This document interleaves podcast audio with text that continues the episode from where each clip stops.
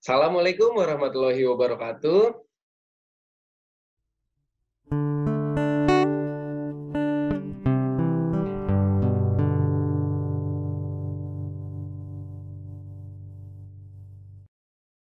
Selamat pagi, siang, sore, atau malam semuanya. Uh, di sini kita udah kehadiran tamu istimewa nih dari dari abang-abang kita, alumni S1 Teknik Telekomunikasi.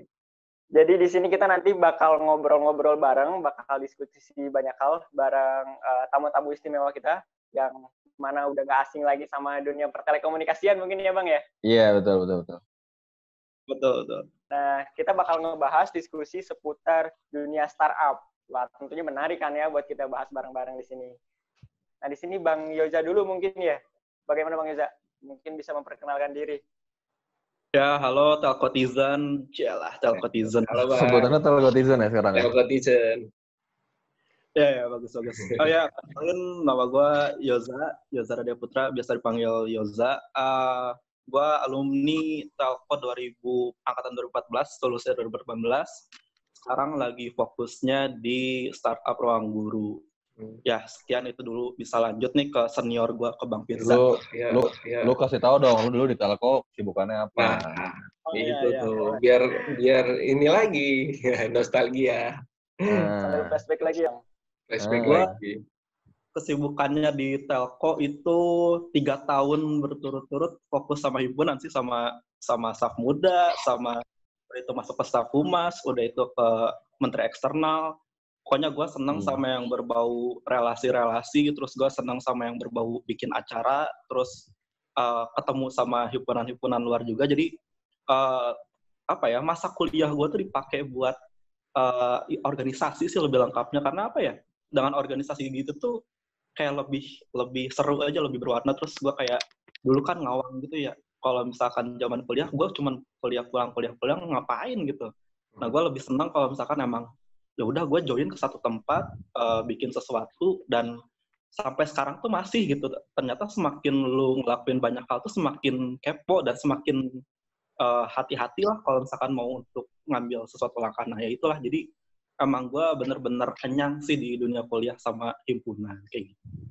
Mantap. Aduh, mantap. Tiga nah, tahun lo ya. Lebih lama daripada gue berarti di telko lo Eh, tapi kan kalau nggak ada Bang Firza nggak ada gue juga.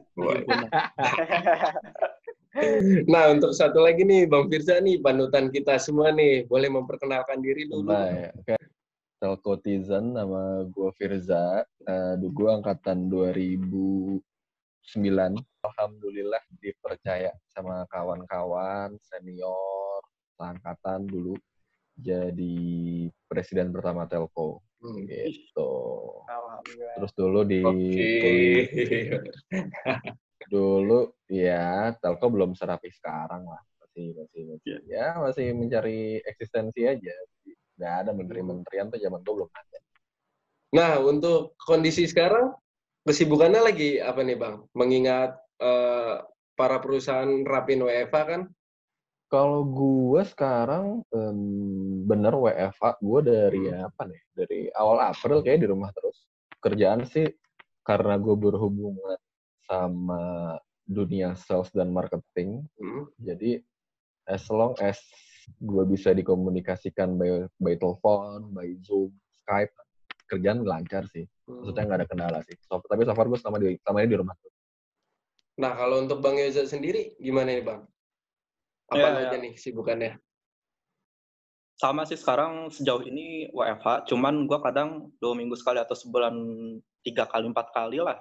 Pokoknya ke kantor itu cuman buat uh, ngambil-ngambil database dari kantor doang kayak gitu. Nah gue juga sama kesibukannya nggak jauh berbeda sama Bang Firza itu di dunia sales and marketing, cuman mungkin gue di market planner-nya gitu. Nah uh, yang bikin gue eh, sibuk sekarang-sekarang itu tuh sibuk buat ngerancang sampai satu tahun ke depan. Karena kan kalau untuk gua ini apa ya udah ada udah ada schedule-nya gitu. Kalau dunia pendidikan tuh selama satu tahun itu bakal apa aja program kerja dari setiap pendidikan itu apa aja. Jadi gue bener-bener harus ngeliat dulu nih rangkaian dunia pendidikan kayak gimana selama satu tahun ke depan. Lagi ada wabah kayak gini juga. Nah jadi dari uh, kantor guanya juga bikin mau buat apa aja gitu buat buat satu tahun ke depan tuh gitu.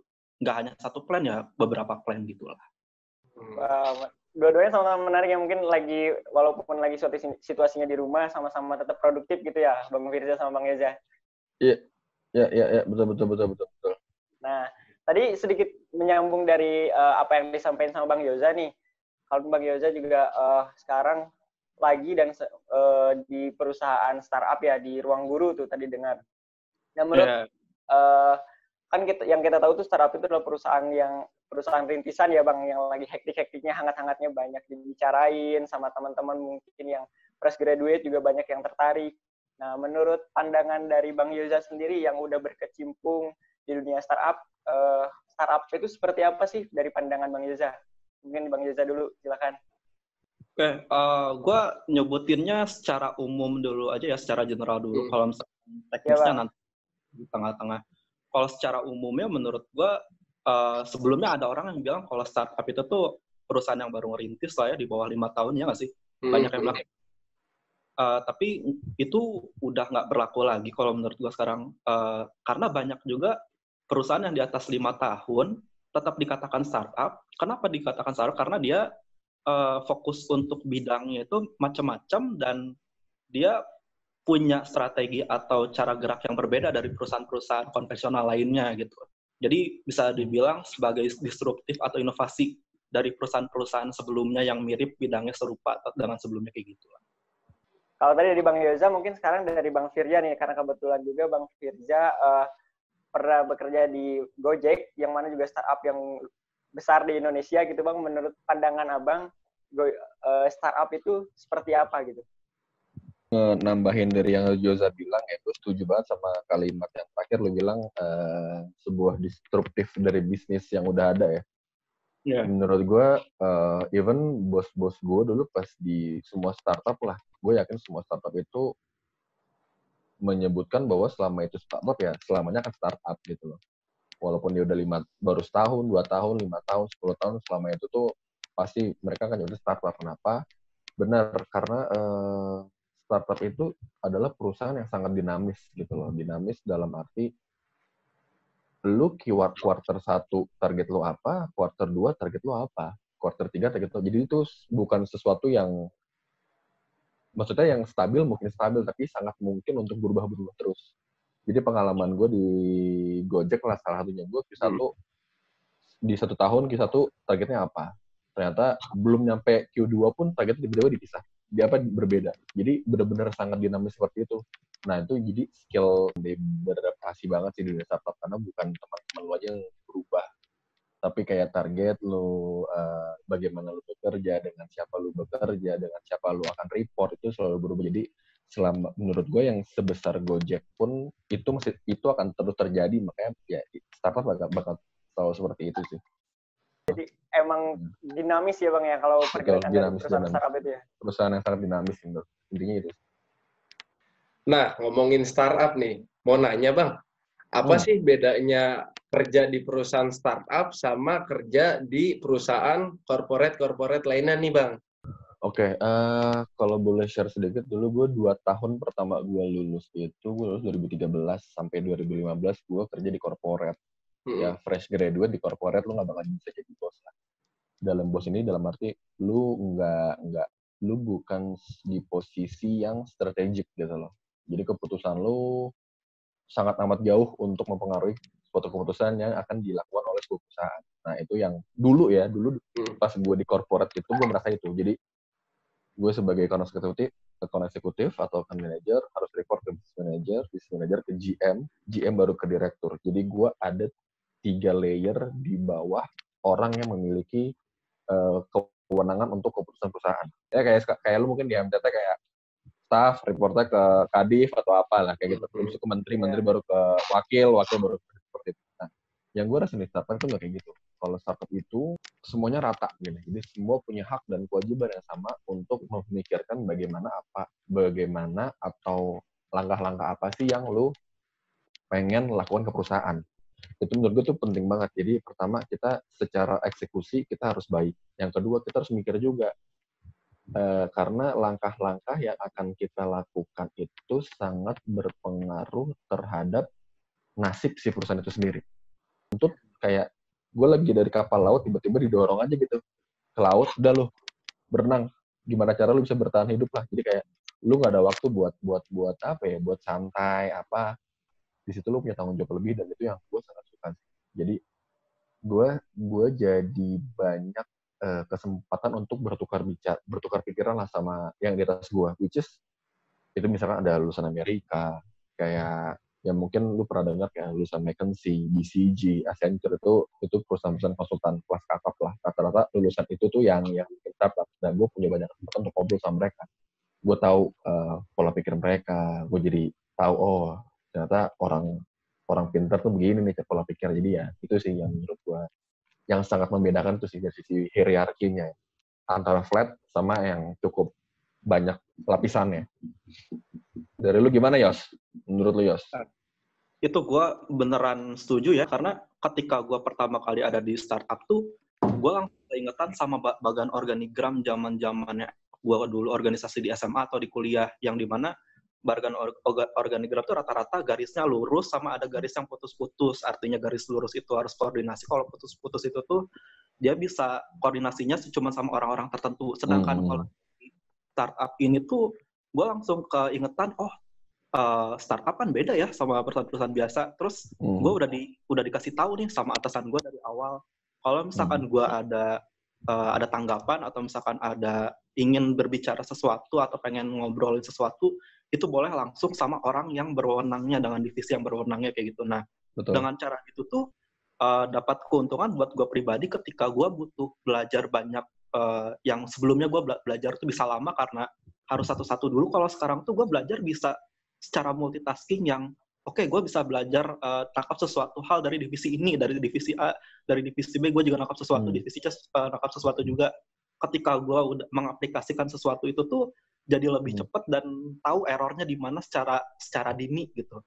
Nah itu hmm.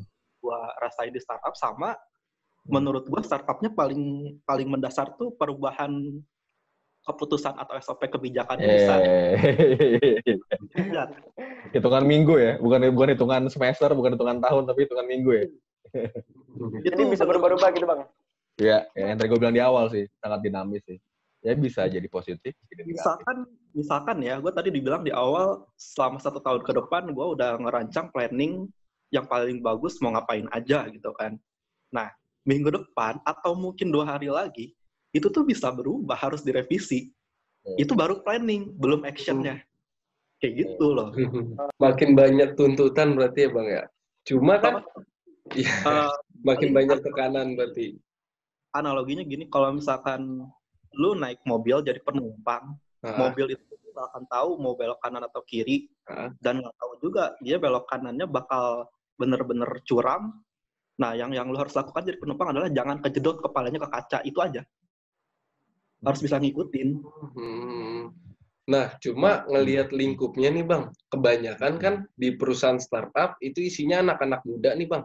Betul. Ya kan? Betul, yang betul, penuh betul. dengan inovasi-inovasi buat terobosan-terobosan baru di startupnya. Nah, kalau dari Abang sendiri, apakah sangat membantu gitu dengan seperti kayak HMTT kemarin nih Bang, kan main hmm. main uh, kunjungan industri ke kantor Gojek. Hmm. Ya. Uh, ngelihat ruangannya disediain mini bioskop disediain ruang ya, itu ruangan. Ya lantai uh, tujuh ya? Iya. nah itu uh, apakah emang sengaja dibuat seperti itu apa gimana tuh bang kalau kalau dulu pas gue di Gojek ketika gue baru masuk gue dikasih tau sama HR gue uh, uh, bahwa di sana itu pada saat itu emang rata-rata karyawan umur 27 tahun. Lu bayangin aja, Gojek perusahaan yang se se se segeros itu, se, setumbuh dengan cepat itu, tapi rata-rata tuh masih anak-anak muda. Plusnya itu ya mereka semua masih pada energik lah, dengan visioner, dengan idealis masing-masing itu berkumpul jadi satu. Tapi di sisi negatifnya ya, ya, ya kayak lu kuliah lah. Kalau lu kuliah juga pasti ada gesek-gesekan walaupun sedikit banyak pasti ada gesek-gesekan atau drama dan sebagainya lah. Nah itu ya itu cukup mungkin terjadi sih di startup dan yang nggak pernah gue temuin selama gue bekerja dua tahun di korporasi sih. Tapi balik lagi ya ini pengalaman gue, gue nggak bisa mengeneralisir bahwa semua startup kayak gitu atau semua corporate yang berarti aman sentosa gitu ya ya itu balik lagi ke masalah Mhm. percintaan sih. Hmm, Nah, dan dan dan gue dan gue dan gue nggak nggak pernah ada masalah. Gue ngerasa eh ketika gue bekerja di startup tuh gue kayak lagi kuliah. Kuliah dalam arti semua ini seumuran nih seumuran. Seumuran kayak oke makan siang. Kita selera kita sama semua makan siang. Nah, maksudnya kalau mungkin kayak bawa bapak atau udah umur 50 60 kan kita nggak enak ya makan Hmm, siang kayak bareng sama kita kita. Tapi ini umurnya masih pada 20-an jadi enak gitu loh. Gue suka dengan nongkrong dengan anak dengan teman-teman gue adalah ketika kita ngobrol itu kita ngobrolin ide. Ya, betul. ngobrolin ide. Mhm. tuntutan bekerja di startup tuh nggak nggak gampang. Tuntutan cukup tinggi gitu loh makanya ya daripada lu ngobrol mungkin ya lu gibah julid apalah tapi ya itu juga tapi pasti kita ngomongin ide menarik banget nih penjelasan dari berarti perusahaan Gojek. Nah, kalau dari ruang guru sendiri gimana nih Bang Yuza? Bahkan di ruang guru itu kan kita kantornya nyatu sama tempat les konvensionalnya ruang guru, ruang guru itu sendiri namanya Brain Academy gitu ya. Jadi otomatis Oh. tempatnya juga eh, siswa banget lah gitu untuk anak-anak eh, sekolah banget. Kitanya juga jadi ngikut ngerasain eh, vibes mudanya gitu loh. Jadi di ruang tengah tuh ada tempat tempat bermainnya kayak eh, jadi eh, di tengah-tengah tuh ada meja bundar panjang. Di situ tuh eh, kita suka duduk eh, lintas usia ada anak SD, SMP, SMA sampai yang kerja tuh kalau nongkrong di situ gitu loh Hmm. Nah, di situ tuh bisa sambil ngobrol, bisa sambil main kartu, bahkan kita kalau misalkan kelihatan lah gitu ya, sebulan kita nggak aktif atau nggak komunikasi satu sama lain, HR tuh suka negur, sumpah.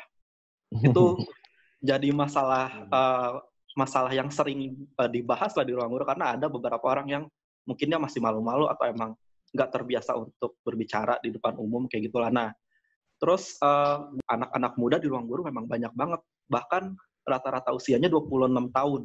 Itu per tahun kemarin. CEO kita aja Kabel Wafat itu 29 tahun ini baru 30. Iya. Nah, itu kan Angkatan parameter gua tuh Waduh, itu kan sama. beda nasib aja beda nasib. Enggak, enggak. Lima tahun lagi tuh Bang Firza, ini coffee gramnya naik lagi, kok muncul lagi. amin Terus ini apa namanya? Yang paling gua senengin di startup eh, anak muda-muda ini, jadi eh, ada dua hal. Yang pertama itu ketika hari Jumat, setelah karena kebetulan gue Muslim, jadi beres dari Jumatan tuh biasanya kalau kantor ada istirahat jam sampai jam satu atau sampai jam setengah dua lah ya. Hmm. Kalau gue itu istirahatnya sampai jam 2, di mana setelah sholat Jumat tuh kita wajib di ruang tengah ngobrol, ngumpul-ngumpul bareng, dan itu tuh kayak nyegerin lagi kita di hari-hari terakhir kerja di hari di kan Hmm. besok libur gitu ya. Mhm.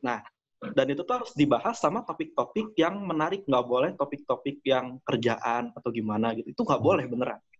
Dan itu jadi salah satu langkahnya sih eh, yang usia-usia 30 ke atas kan ada juga di ruang guru ya. Yang kepala tiga ke atas kepala empat juga ada. Nah dia jadi tahu eh, apa sih topik perbincangan yang lagi dibahas sama anak-anak muda. Terus kadang dari dari pembicaraan-pembicaraan kayak gitu tuh bisa bisa menghasilkan suatu solusi itu sering banget gue ngalamin kayak gitu jadi kayak eh, mereka tuh suka nanya, emang lagi apa sih yang lagi booming di anak-anak muda gitu. Terus misalkan kita ngomong A, eh, orang satu A, orang kedua B gitu, sebutin aja. Terus tuh orang-orang tua tuh jadi kayak kepikiran, oh ya udah untuk untuk minggu depan cara cara narifin target revenue buat bulan ini kayak gini, kayak gini, kayak gini, kayak gini Hmm. karena lagi booming ini. Nah itu tuh sering terjadi ya Hmm. kayak gitu-gitu. Jadi walaupun tadi suasananya kan kalau dengar dari cerita Bang eh, Firja di Gojek sama Bang Liza di eh, ruang guru, suasananya emang lebih fleksibel, lebih enak, lebih nyaman. Tapi Ya, kalau- kalau- inovasi, Eh, kalau kalau di Gojek ya Bang?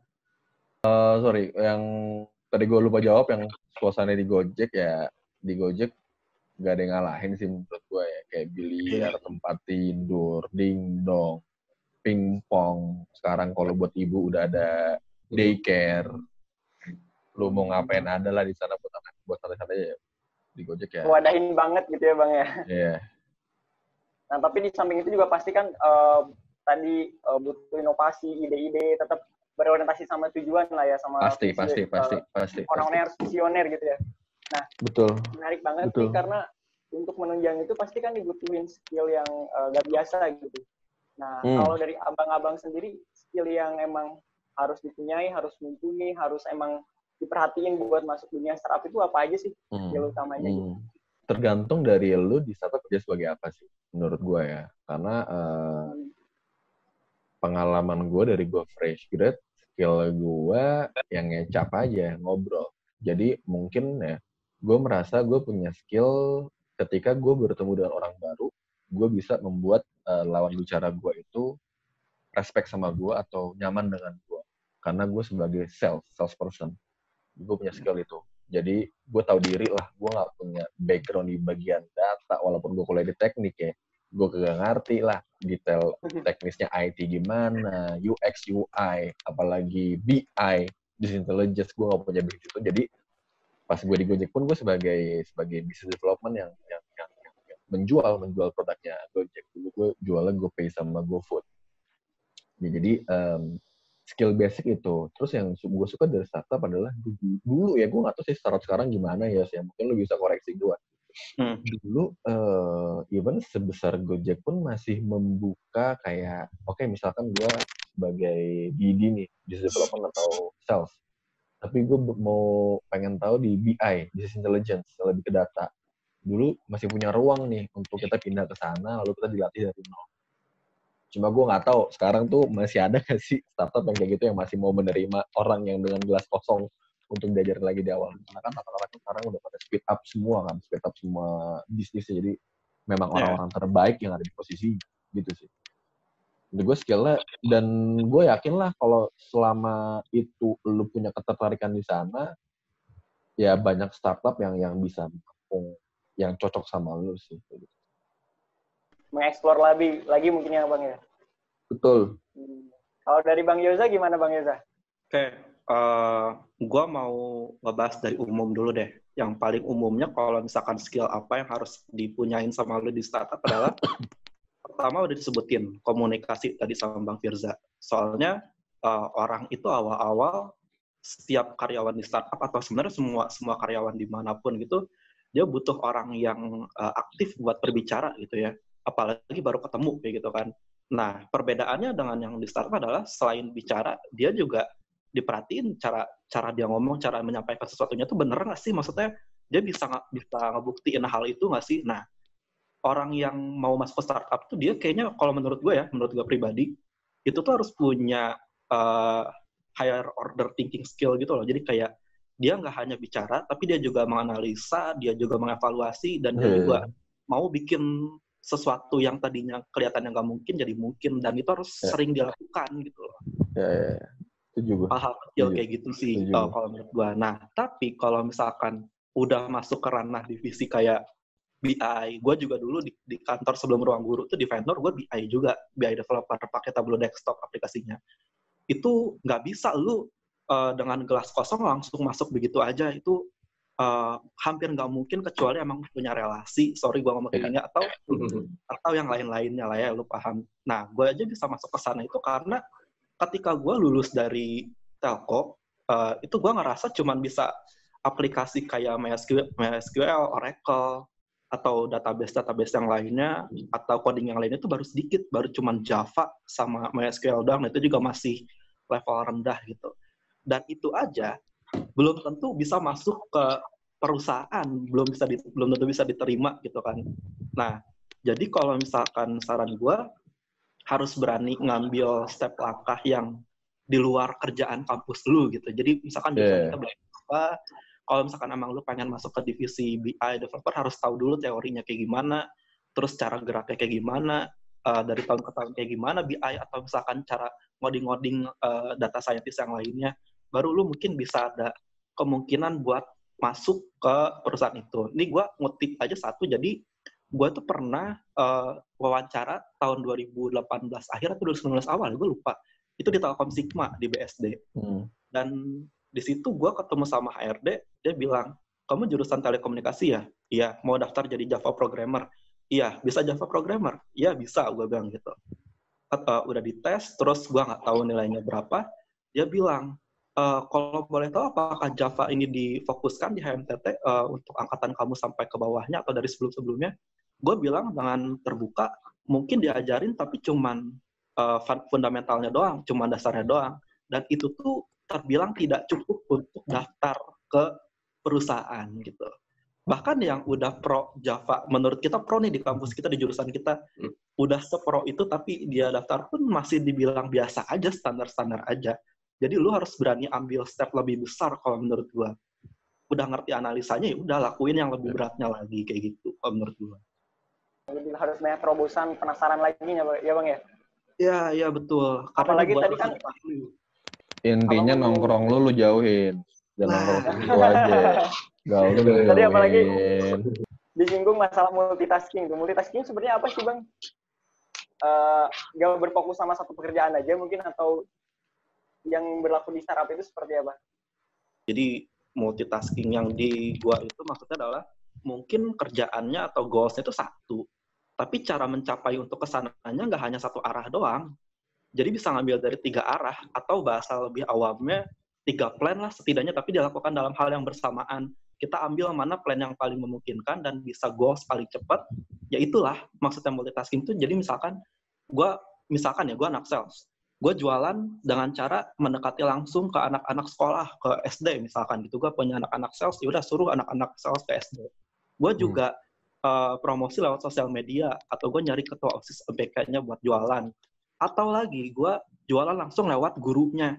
Jadi ngajak eh, bulk buying lah jatuhnya istilahnya tuh pasti bang Firza ngerti bulk buying kayak gimana gitu ya. Iya. pembelian dalam jumlah besar kayak gitu. Nah jadi semuanya bener-bener dilakukan dalam satu waktu sebenarnya kayak gitu Kurang lebih sama.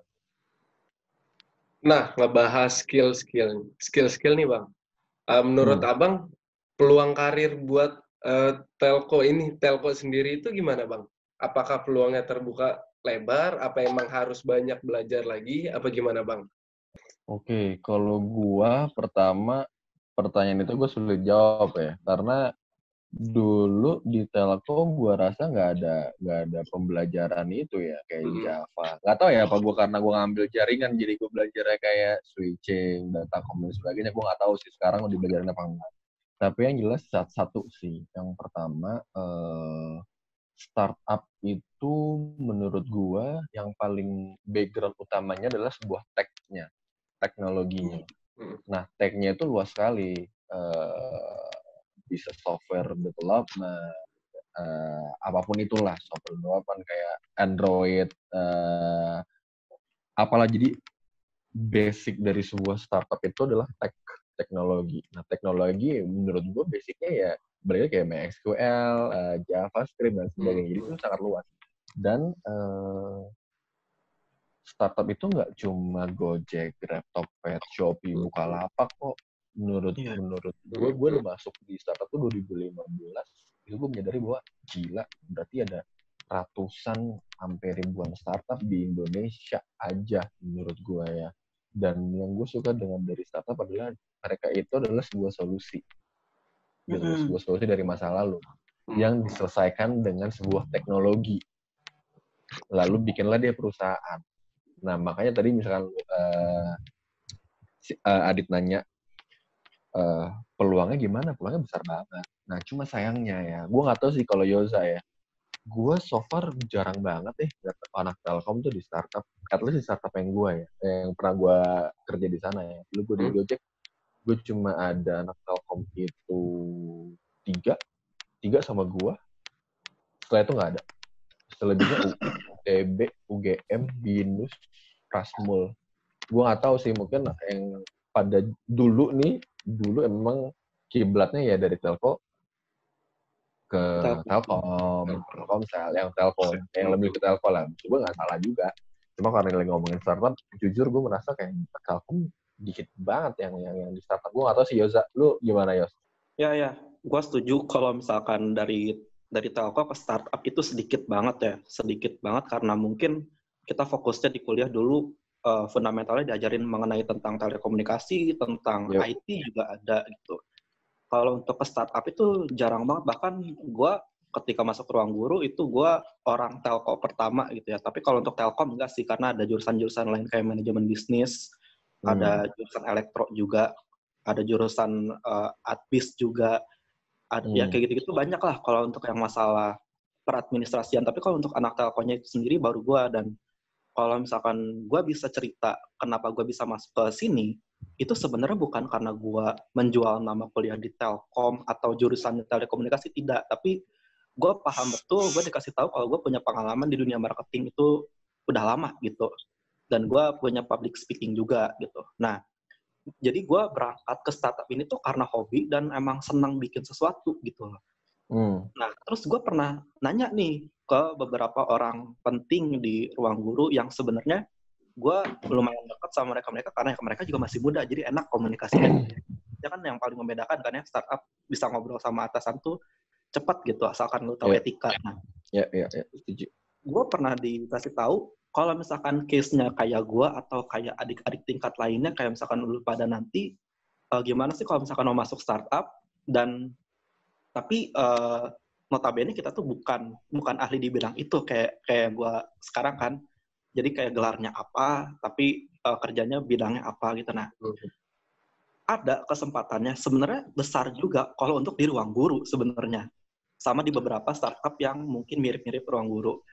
Gue nggak tahu kalau di tempat lain. Tapi uh, yang paling uh, menantangnya challenge-nya adalah lu harus berani atau dalam tiga bulan pertama atau empat bulan pertama itu harus berani bikin suatu gebrakan atau solusi yang bagus gitu karena namanya juga startup mereka kan gebrakan dari kantor-kantor konvensional sebelumnya begitupun yeah. dengan kantor karyawannya ketika mereka ntar interview uh, itu tuh mereka harus punya janji atau punya komitmen yang kayak bikin sesuatu yang logis gitu. Jadi lu nggak boleh asal ngomong juga ketika nanti uh, ketemu sama HRD, uh, eh, lu jangan, uh, bisa bikin ini, bisa bikin itu, tapi menurut HRD-nya nggak logis. Bikinlah yang logis dulu dan lu bisa ngelakuin dalam jangka waktu tiga bulan, empat bulan. Karena uh, dari yang gue lihat di perusahaan gue rata-rata yang notabene tadinya bukan anak marketing tapi bisa kerja di situ adalah mereka rata-rata punya gebrakan baru itu dan bisa dilakuin walaupun nggak terlalu dibilang berhasil, tapi setidaknya mereka mencoba gitu loh.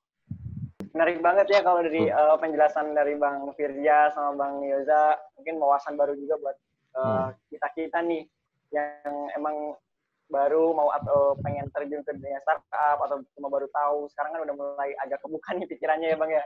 Betul. Nah, tadi menyinggung uh, kan sedikit penjelasan juga dari bang Firja dan bang Yoza bahwasanya di startup ini emang beban uh, kerjaannya juga nggak kalah uh, hebatnya gitu kan, nggak kalah besarnya. Nah, untuk soft skill yang bisa menunjang itu semua apa sih bang? Selain dari hard skill mungkin kita uh, banyak tadi belajar-belajar hal-hal baru yang bikin penasaran, tapi untuk soft skillnya sendiri nih, yang abang-abang hmm. rasakan mungkin selama kuliah bisa diterapkan di sana gitu. Kalau soft skill, uh, mungkin yang gue jelasin tadi lebih ke soft skill kali ya karena gue buka-bukaan aja secara hard skill gue bisa dibilang nihil kali gue gak skill apa yang gue dapat dari telco tuh gak maksud gue ya ada tapi gak gue pakai di kerjaan gue karena sebagai sales marketing telco mana ada sih ngajarin kita sales marketing? Paling ada tuh dulu kewirausahaan tahu sekarang masih ada apa enggak masih. Ada virus ada. Masih masih ada mas. Nah itu paling itu doang gue jualan. Terus um, pada intinya gini sih uh, gue mengutip kata-kata siapa ya? Bruce Lee apa yang dia bilang? Ya lu tuh harus jadi air. Kan ketika air dimasukin ke dalam teko, tuh air bentuknya teko. Ketika air itu dimasukin dalam ember, bentuknya ember. Air itu dimasukin dalam gelas, ya bentuknya gelas. Intinya adalah lu harus bisa beradaptasi dengan siapa pun.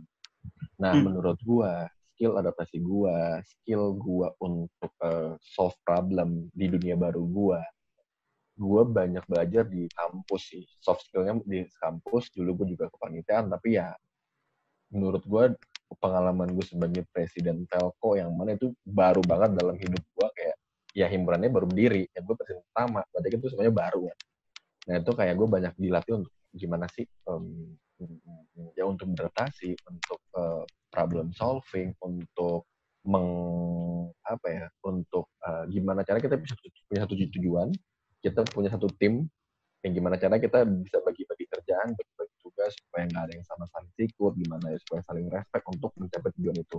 Nah itu yang gua rasakan ketika gua di startup. Gue setuju sama Yoza bahwa oke okay, lu dibuat tiga bulan empat bulan pertama lo harus buat inovasi dan itu bisa dibuktikan. Gue setuju. Tapi jangan lupa bahwa lu harus juga bisa beradaptasi bos di startup. Yeah. maksudnya apalagi misalkan ya misalkan adik-adik telco te- atau telco tizen sekarang, misalkan setahun pertama dia di corporate, tiba-tiba, aduh, eh, gue pengen coba startup deh.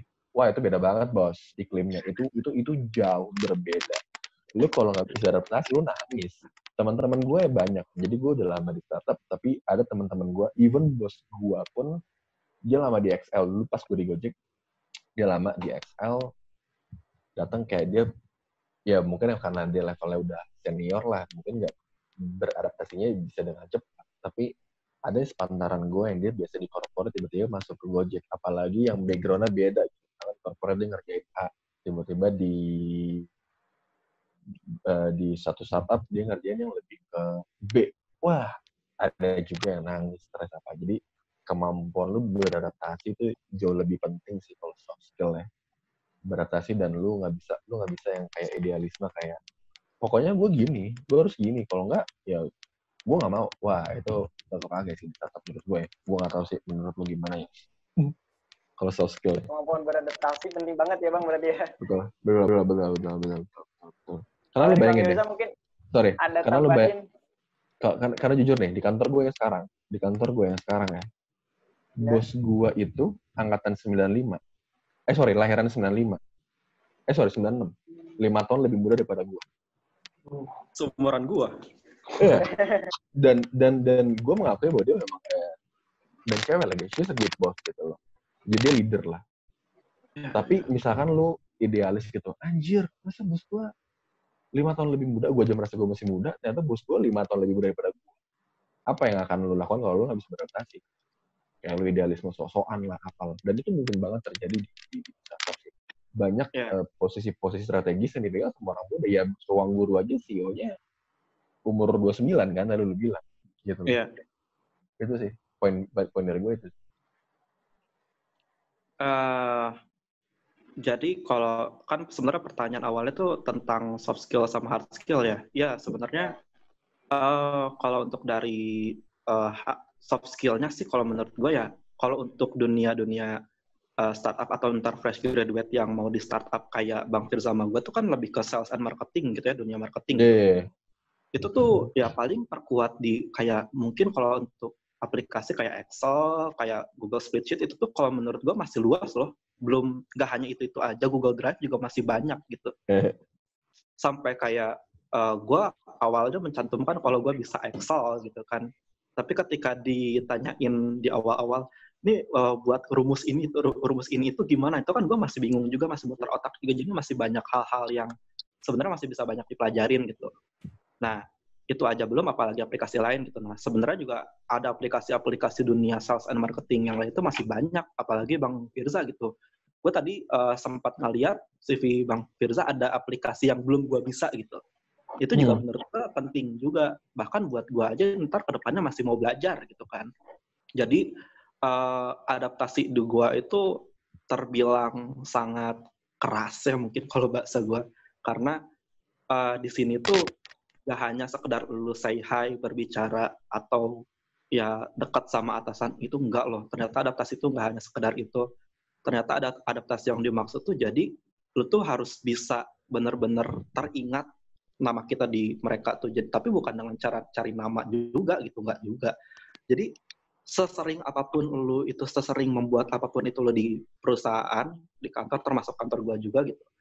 Lu tuh akan semakin dibutuhkan juga kalau menurut gua tuh dan eh, lu harus suka sih sama kerjaan lu, harus hobi Hmm. karena eh, gua ngelihat menangkap benang merahnya dari sebuah startup ini kayaknya orang-orang yang melakukan kerja di dunia startup ini tuh berdasarkan atas keresahan kan. Hmm. Semua orang kalau misalkan udah bisa mengatasi keresahan tuh pasti bakal seneng atau bak- bakal lebih termotivasi lagi ke depannya. Nah, begitupun yang dilakukan sama karyawan-karyawan, menurut gua semuanya itu yang berawal dari keresahan, dibalut gimana caranya nyari solusi. Kalau berhasil berarti ya alhamdulillah dan kita tinggal ben- benerin solusi selanjutnya. Tapi kalau misalkan gagal ya diulang terus aja sampai berhasil gitu. Lu harus terus mau nyoba gitu. Jangan manja Ah, lah ini. Iya, sama aja ya. Menarik banget adaptasi sama problem solving. Iya. Nah, dari abang-abang sekalian, ada tips and tricksnya nggak nih untuk menghadapi, untuk survive da- eh, persia- persaingan dunia kerja itu sendiri, Bang. Kan dari adaptasi itu sendiri juga udah termasuk tim eh, tips and tricks nih. Nah, Hmm. lebih ini lagi dong, Bang. Kayak dunia kerja tuh sebenarnya gini loh. Kan kita kita, kita belum belum ngerasa ini. Nah, mungkin dari abang-abang sekalian ada tips and tricks-nya nih.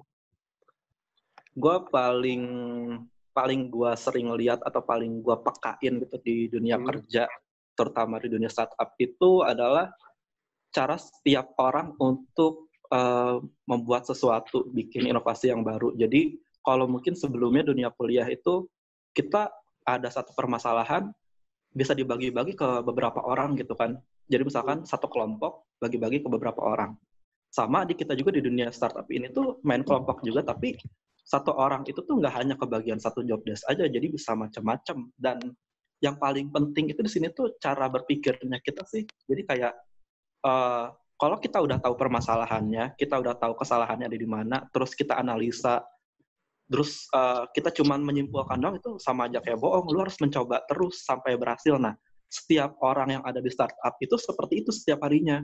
Jadi dia eh, trial and error terus-terusan gitu loh sampai dia bener-bener ngerasa ada cara yang paling cocok untuk dia masing-masing. Jadi setiap orang di startup itu punya cara yang berbeda-beda. Itu kalau menurut gue sih. Jadi tujuannya sama. Hmm. Eh, kisi-kisinya juga sama untuk meraih ketujuan tersebut. Tapi cara jalan setiap orang tuh beda-beda. Mungkin kalau misalkan gue bisa ngedefinisin dunia jualan kali ya.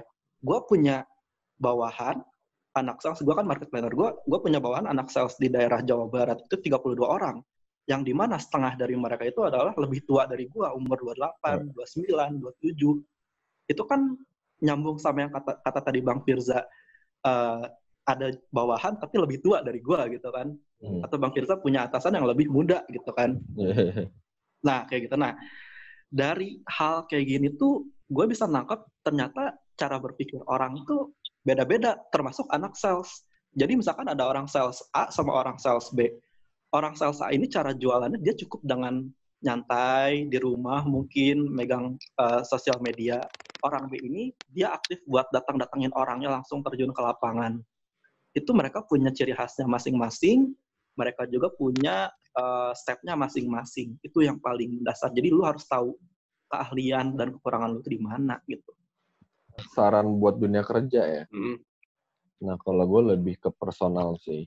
Sebelumnya, menurut gue ya, kalau gue pribadi, goals gue tuh, gue pengen banget jadi pengusaha. Punya usaha sendiri. Nah, jadi gue banyak baca-baca buku dan sebagainya lah. Terus adalah, kalau lu pada tahu Jack Ma, Jack Ma itu bilang, kalau lu masih usia 20-an ya lu kerja di perusahaan kecil, tapi uh, lu punya bargain power di sana. Jadi gue agak mengikuti dia tuh kenapa gue sebagai startup dan tadi gue bilang di awal sekali bahwa ternyata seorang Firza bisa membuat keputusan yang sangat berpengaruh kepada perusahaan di umur yang masih 20-an. Jadi ya mungkin itu yang diartikan oleh si Jack Ma. Kenapa dia nyuruh 20 tahun tuh ya lu kerja jadi perusahaan kecil aja. Nah gue nangkapnya ya perusahaan kecil ya startup. Gue. Jadi lu lu tentuin dulu nih lu mau kerja. Karena gini, karena ini kita lagi ngomongin topik yang startup ya. Lu pikirin yeah. ya kerja di startup ya. Kan gue disuruh ngasih saran kan di dunia kerja kan. Ya gue kasih hmm. gambaran loh. Belum ada orang yang pensiun di startup. Ya. Nah, hmm. lu belum ada pikiran kan, ntar lu pensiun. Siapa yang ngedanain lu? Itu itu saran gua kalau lu kalau lu ntar kerja mau di startup. Hmm. Beda sama di Telkom, BUMN apa pun. Dana pensiun udah dijamin perusahaan. Iya, iya, iya. ada. Nah, sekarang lagi zaman uh, uh, apa uh, pandemi COVID-19. BUMN kan dijamin negara. Hmm. Negara bisa oke okay, uh, PLN lagi nih kita misalkan aku nyebut PLN gue kata abang gue di PLN jadi kayak gue lebih oke okay, uh, PLN lagi gini, gini negara membantu nah sekarang startup negara mana peduli bos agak ada benar, benar, benar. ada banyak ada berapa banyak startup yang yang yang yang tutup jadi mm-hmm. kalau gue boleh kasih saran ya lo coba pikir-pikir lagi di startup dari segala positivity yang tadi gue sama Yoza bilang di awal mm-hmm. negatifnya jadi lo kalau startup coba lo pikir-pikir lagi nah tapi ketika lu udah di startup, gue merasa lu akan ketagihan. Ketagihan dalam arti nggak tahu ya kalau di gua itu jarang sekali yang dari startup udah bertahun-tahun di startup pindah ke corporate. Itu jarang. Tapi banyak teman-teman gua eh lu dari bank eh lu dari PT swasta ini corporate pindah ke startup. Itu banyak. Gitu loh. Jadi eh, ya balik lagi saran gua ya lu coba pikir-pikir lagi lah gimana gitu. startup positif negatifnya apa bekerja di corporate positif negatifnya apa ya dalam dalam jangka waktu yang yang visioner gitu yang jauh nggak cuma kayak ya udahlah apa aja gue terima. Ya kalau emang kayak gitu ya nggak masalah tapi kalau emang bisa lebih deep down lagi lu mikir ke depannya itu lebih bagus lagi. Plus kalau lu misalkan masih lajang lah lu punya bini belum punya anak tinggal masih di rumah orang tua ya lu bisa lebih liar sih cobainnya. Kita kayak bener-bener bisa kalau satu besar atau kecil atau apa menurut gue tuh bisa dieksplor beda sama gue yang udah punya anak bini gitu ya gue nggak nggak mungkin lah gue selihat itu mikirnya ketika gue masih lima tahun tahun yang lalu di fresh grad gitu gitu lah tentu ada pertimbangannya sih itu sih Wah, saran gue ya ini ini yang lebih personal ya kalau tadi kan Yosa kan lebih teknikal gue lebih personal Iya. aja siapa siapa. Tapi bener Nah, lu, lu, lu, lu pikirin gak Yos? Lu ntar emang bakal pensiun di ruang guru? Emang ruang guru bakal ngasih uang pensiun? Ya. Belum tahu kan? Ya itu Nah, dia. gi- nah, gimana caranya lu gimana caranya lu memikirkan itu? Mau nggak mau lu misalkan lu follow ada di Instagram namanya Joska. Ya. Dia yang kalau pernah dengar juga ya nggak tahu sih anak-anak masih sekarang lu dengar itu apa enggak? Gimana sih cara bisa uang pensiun? Oh ya dia ada ada yang eh, lu tuh harus invest emas nih per bulan sekian supaya nanti 40 tahun lagi uang lu bakal sekian dan cukup untuk ya intinya lu pikirin uang masa pensiun sendiri lu yang mikirin bukan perusahaan yang mikirin gitu loh. Yes. Itu sih dari gua. Tua, tua, tua bukan banget. tuh. cuman hal positifnya ya bang Fikri ya, tapi hal negatifnya Oh iya iya iya dong. dikasih Iya tahu. Pasti pasti pasti pasti. Nah mungkin ini eh, eh, ada pesan atau harapan nggak buat abang-abang sekalian buat HMTT khususnya buat Evotizen dari abang-abang pribadi. Ya, ya. Kalau untuk harapan gue dari HM, HMTT sama Telco ya, gue dari HMTT dulu kali ya. Hmm. Ini gue bukan bermaksud atau eh, karena bukan karena gue udah kerja atau lebih tua jadi bisa berbi- berbicara seperti ini, tapi lebih ke gue juga kan eh, dulu senang gitu ya sama ngeliat track recordnya HMTT seperti apa. Dari atas atas gue dulu dari 2012, 13 bahkan gue mengetahui angkatan gue sendiri HMTT-nya seperti apa terus ngeliat ke atas atasnya gitu. Yang gue pikirkan eh, pada saat itu adalah ini tuh mau dibawa ke mana ketika kita sudah selesai dari dunia kampus ini atau dunia Hmm. organisasi ini gitu dan eh, di situ tuh gue mikir awalnya kayaknya gue orang yang pertama yang mikir kayaknya ini harus dibawa ke dunia eh, ke jenjang yang lebih serius. Tapi ternyata bukan gue orang yang pertama memikirkan itu. Bahkan dari orang angkatan Bang Pik sama Bang Firza aja udah mikir itu cuman belum ada timing yang pasnya karena mereka eh, waktunya nggak selama kita nggak selama kita ini yang bisa sampai tiga tahun berkarya di HMTT gitu. Nah jadi gue punya punya pendapat dari dulu sampai sekarang tuh masih sama kalau misalkan dari tahun-tahun sebelumnya lu udah pernah berhasil bikin acara apa misalkan acara A gitu ya lu bisa lu berarti punya dua opsi buat ke depannya antara lu bikin acara eh, yang baru lagi supaya memperbesar relasi lu atau bikin eh, himpunan lu menghasilkan sesuatu yang positif kayak duit atau relasi atau yang dan semacamnya gitu ya. Hmm. Atau misalkan lu tahu juga acara yang tahun sebelumnya itu belum terlalu belum terlalu eh, mewah, belum terlalu berhasil dan lu kembangin lebih bagus lagi. Jangan terpatok sama kegiatan atau acara yang itu-itu lagi. Lu tuh harus lebih peka sama dunia luar gitu jangan hanya yang dikasih tahu sama orang-orang dunia telekomunikasi atau HMTT itu kayak gini, kayak gini, kayak gini. Menurut gue masih luas banget. Gue ngomong kayak gini aja, mungkin pengetahuan gue tentang eh, HMTT ini tuh masih 30% mungkin gitu ya. Nah, lu harus berani buat cari apa yang lu hobiin gitu di HMTT ini. Dan sorry kalau gue ngomong, mungkin kapitalis bisa jadi, liberalis bisa jadi, lu Hmm. bisa ngambil keuntungan dari segala arah gitu apalagi HMTT ini. Kalau gue boleh kasih contoh satu adalah dulu gue pernah ditentang di HMTT itu ketika gue mau bikin bina desa karena gue ngelihat kampus-kampus lain kok banyak KKN sedangkan di kampus kita nggak ada. Bahkan gue di gue sama anak-anak humas itu tuh di diomongin dulu eh, nggak usah sosokan kata dosennya duitnya dari mana? Ya akhirnya kan dengan begitu kan kita jadi mikir gimana caranya bisa ada walaupun pertamanya kita biasa-biasa dulu aja tapi ke depannya bisa lebih besar gitu.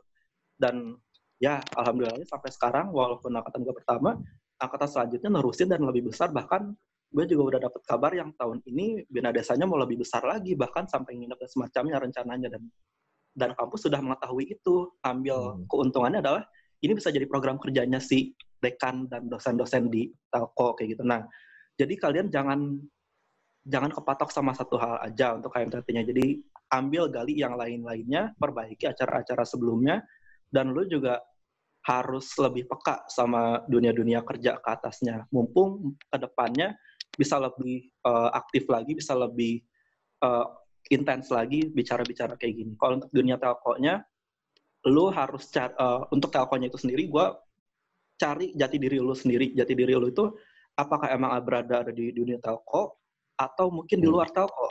Karena kalau misalkan hmm. gue pribadi jujur, gue di telko bisa, tapi hati gue itu lebih ke luar telkomnya. Makanya gue berada di ruang guru ini di startup di market planner karena gue ingin ngembangin apa yang gue hobi gitu.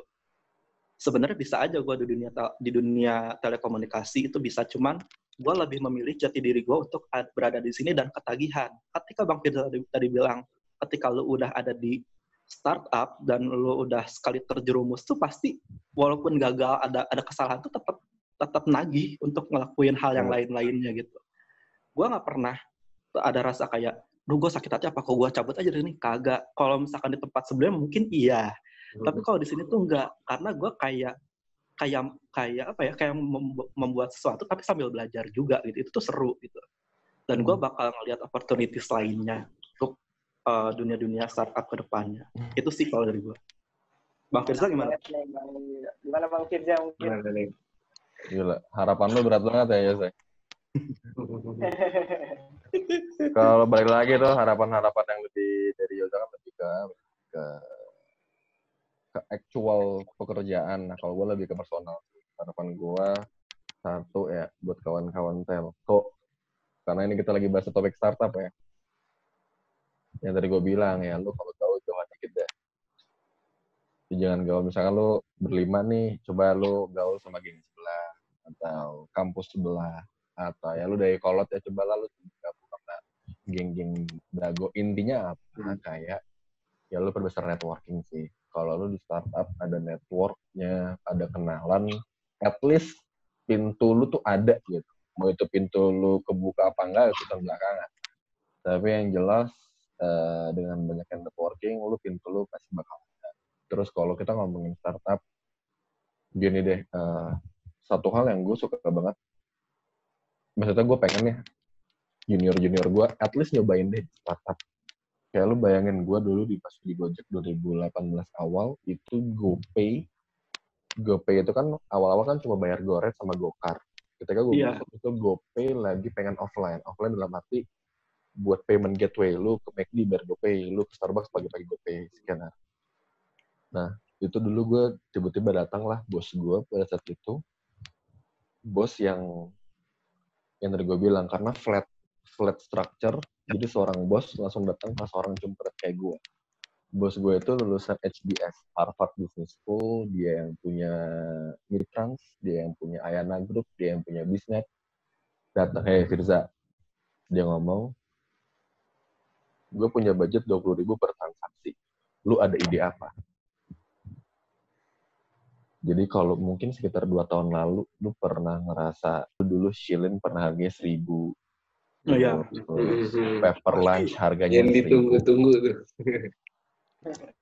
Nah itu ide keluar dari cumpret-cumpret kayak gua gitu. Ya udah nih kayak shilin menarik nih kalau seribu akhirnya. Uh, ngulur itu ide dari gua loh. Jadi kayak gila ide seorang gue pribadi bisa mempengaruhi anjir pemberitaan di mana-mana. Walaupun seminggu setelahnya gue ditelepon, stop stop promonya ini udah kebanyakan duit kita udah udah habis udah banyak bakar nih. Stop. Ya walaupun itu itu urusan ntar lah. Hmm. yang jelas kayak ketika lo udah di startup lo memungkinkan memungkinkan sekali lo lo ber apa ya dengan keputusan lo mempengaruhi beribu-ribu orang gitu. Itu menarik startup. Tapi balik lagi negatifnya kan tadi gue udah bilang kayak pensiun belum ada jaminan. Kalau lagi pandemi kayak gitu tahu gimana. Ya lu pikir-pikir lagi lah nah harapan gue di telco itu kayak lu kalau lu emang pengen di startup coba deh lu sekarang eh, lebih sering buka id.tekinasia.com Ya. dailysocial.id apa-apa gitu. Itu tentang startup semua. Dan itu Hmm. dunia startup ya dialah kayak detik.com-nya dunia kita nih startupnya ya itu tekin aja lu baca baca dari kalau emang pengen pengen startup ya nah satu satu yang yang yang satu statement gue adalah sekarang perusahaan mana di dunia yang bisa bikin Cristiano Ronaldo joget geli-geli begitu Iya. Iya iya iya iya.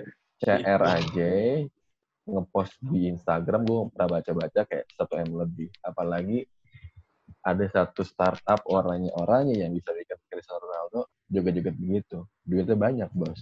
Benar. itu reflect ke gaji sih yang lu pikirin aja. Ya hari return lah.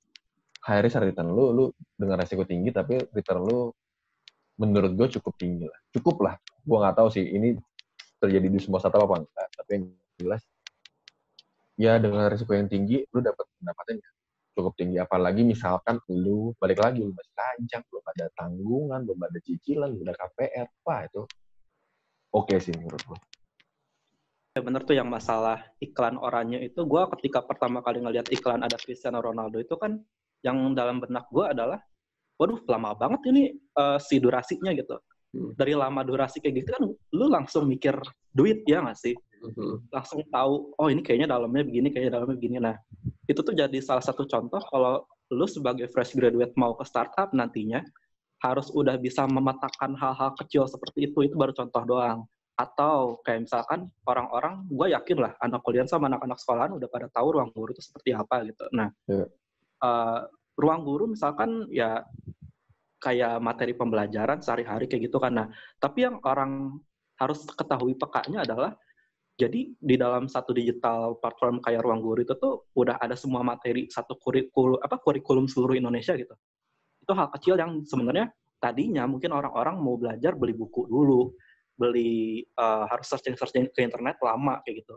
Sedangkan kita pengen ngasih solusinya kayak ya udah satu packaging aplikasi lu bisa dapat semua kurikulum tinggal pilih-pilih aja lu ambil materinya silahkan dan lu Hmm. bisa nontonnya dengan dengan waktu sefleksibel mungkin. Lu mau, mau, mau buka kapan aja mau di kelas mau nanti malam mau nanti subuh mau sambil ngerjain tugas ya silahkan. Jadi lu harus punya insight yang berbeda dari orang-orang lain Wah, makasih banyak nih abang-abang semua.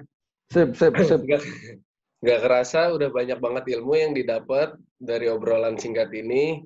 Semoga banyak sahabat-sahabat Telkotizen nih yang terinspirasi dan terbuka pikirannya kan dari obrolan kita ini. Khususnya di dunia bisnis atau di dunia perstartupan. Sekali lagi Ya. terima kasih banyak buat abang-abang semuanya. Eh, Sama-sama, atas waktu dan ketersediaan buat ngadain ngehadirin acara ini. Hmm. Semoga bisa berbincang kembali di lain kesempatan. Terima amin kasih. amin amin amin Pak. Yo. ya Bisa jargon dulu nggak bang? Ah, iya. Nah, masih inget nggak sih? Masih inget nggak masih tuh, masih masih masih masih Wah, masih sih udah lama aja pertama terbaik Oke. tahun. Udah lama Boleh, juga ya. Karya nostalgia bang. ayo Bang. Ya bang. Siapa nih? Bang Yoza apa? lu aja Oh udah iya, udah. Yuk. Satu, Satu, dua, tiga. Telekomunikasi pertama. Pertama terbaik. Salam, Salam telekomunikasi. Terima kasih abang-abang Terima kasih ya bang semuanya. Sampai ketemu lagi. Terima kasih, Bang. Assalamualaikum Bang. Salam.